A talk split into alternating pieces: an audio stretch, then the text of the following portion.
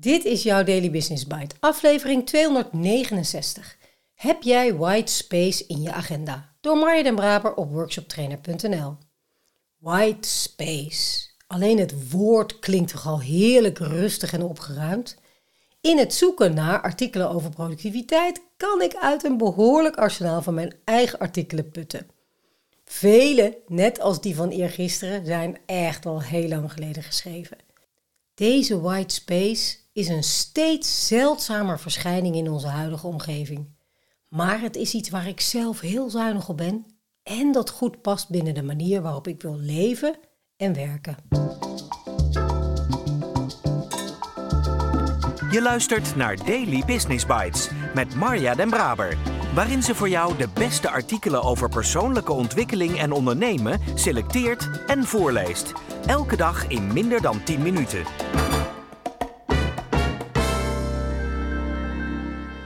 Vandaag luisterde ik naar een podcast van Juliet Fund van White Space at Work. Zij is een warrior in the battle against reactive busyness en helpt om te voorkomen dat jouw creatiekracht en productiviteit verloren gaat door drukte en reageren op die drukte.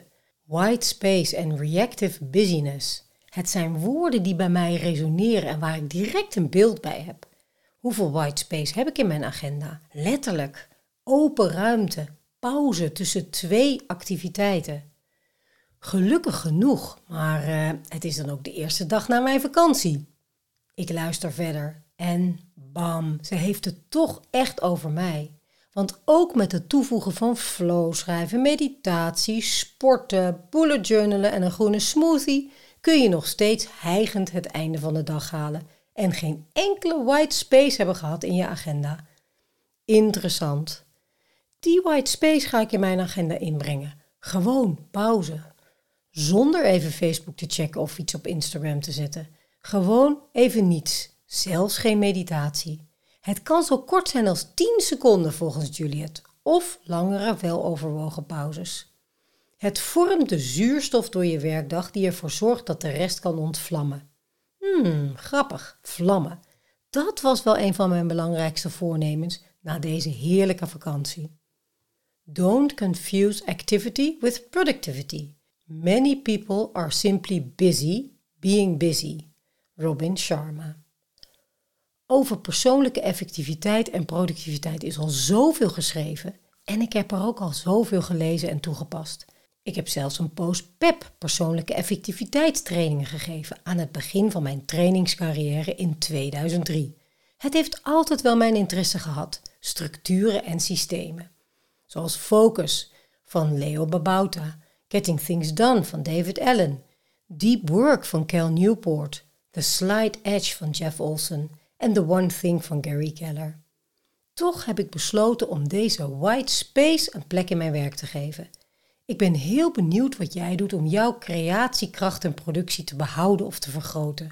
Hoe zorg je ervoor dat jij maximaal dingen neer kan zetten in jouw bedrijf of in jouw business? Dat wat jij voor ogen hebt. Daily Business Bites met Marja Den Braber. Je luisterde naar Heb jij white space in je agenda door Marja Den Braber. Deze white space zou ik inmiddels eigenlijk misschien liever thinking time noemen. De dame uit de podcast, Juliet Fund, heeft het bedrijf White Space at Work niet meer. Tenminste, ik klikte op de link en ik kwam nergens meer. Maar op haar eigen site nu opent ze wel met een geweldige zin. When was the last time you caught someone thinking where you work? Hmm. Dit artikel over white space is wellicht voor jou ook een fijne reminder, want het is een waardevol en vaak onderschat aspect van productiviteit en persoonlijke groei. Het is een tijd waarin je bewust ruimte creëert in je agenda om na te denken, te reflecteren en nieuwe inzichten op te doen. Zelf houd ik enorm van tijd inbouwen. Bijvoorbeeld in de vroege ochtend, waarbij alles en iedereen nog rustig is en de ochtendshow buiten zich vanzelf ontvouwt. Ik spreek je graag morgen weer.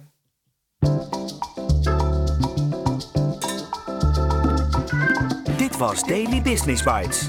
Wil je vaker voorgelezen worden? Abonneer je dan op de podcast in je favoriete podcast-app. Meer weten? Klik op de links in de show notes.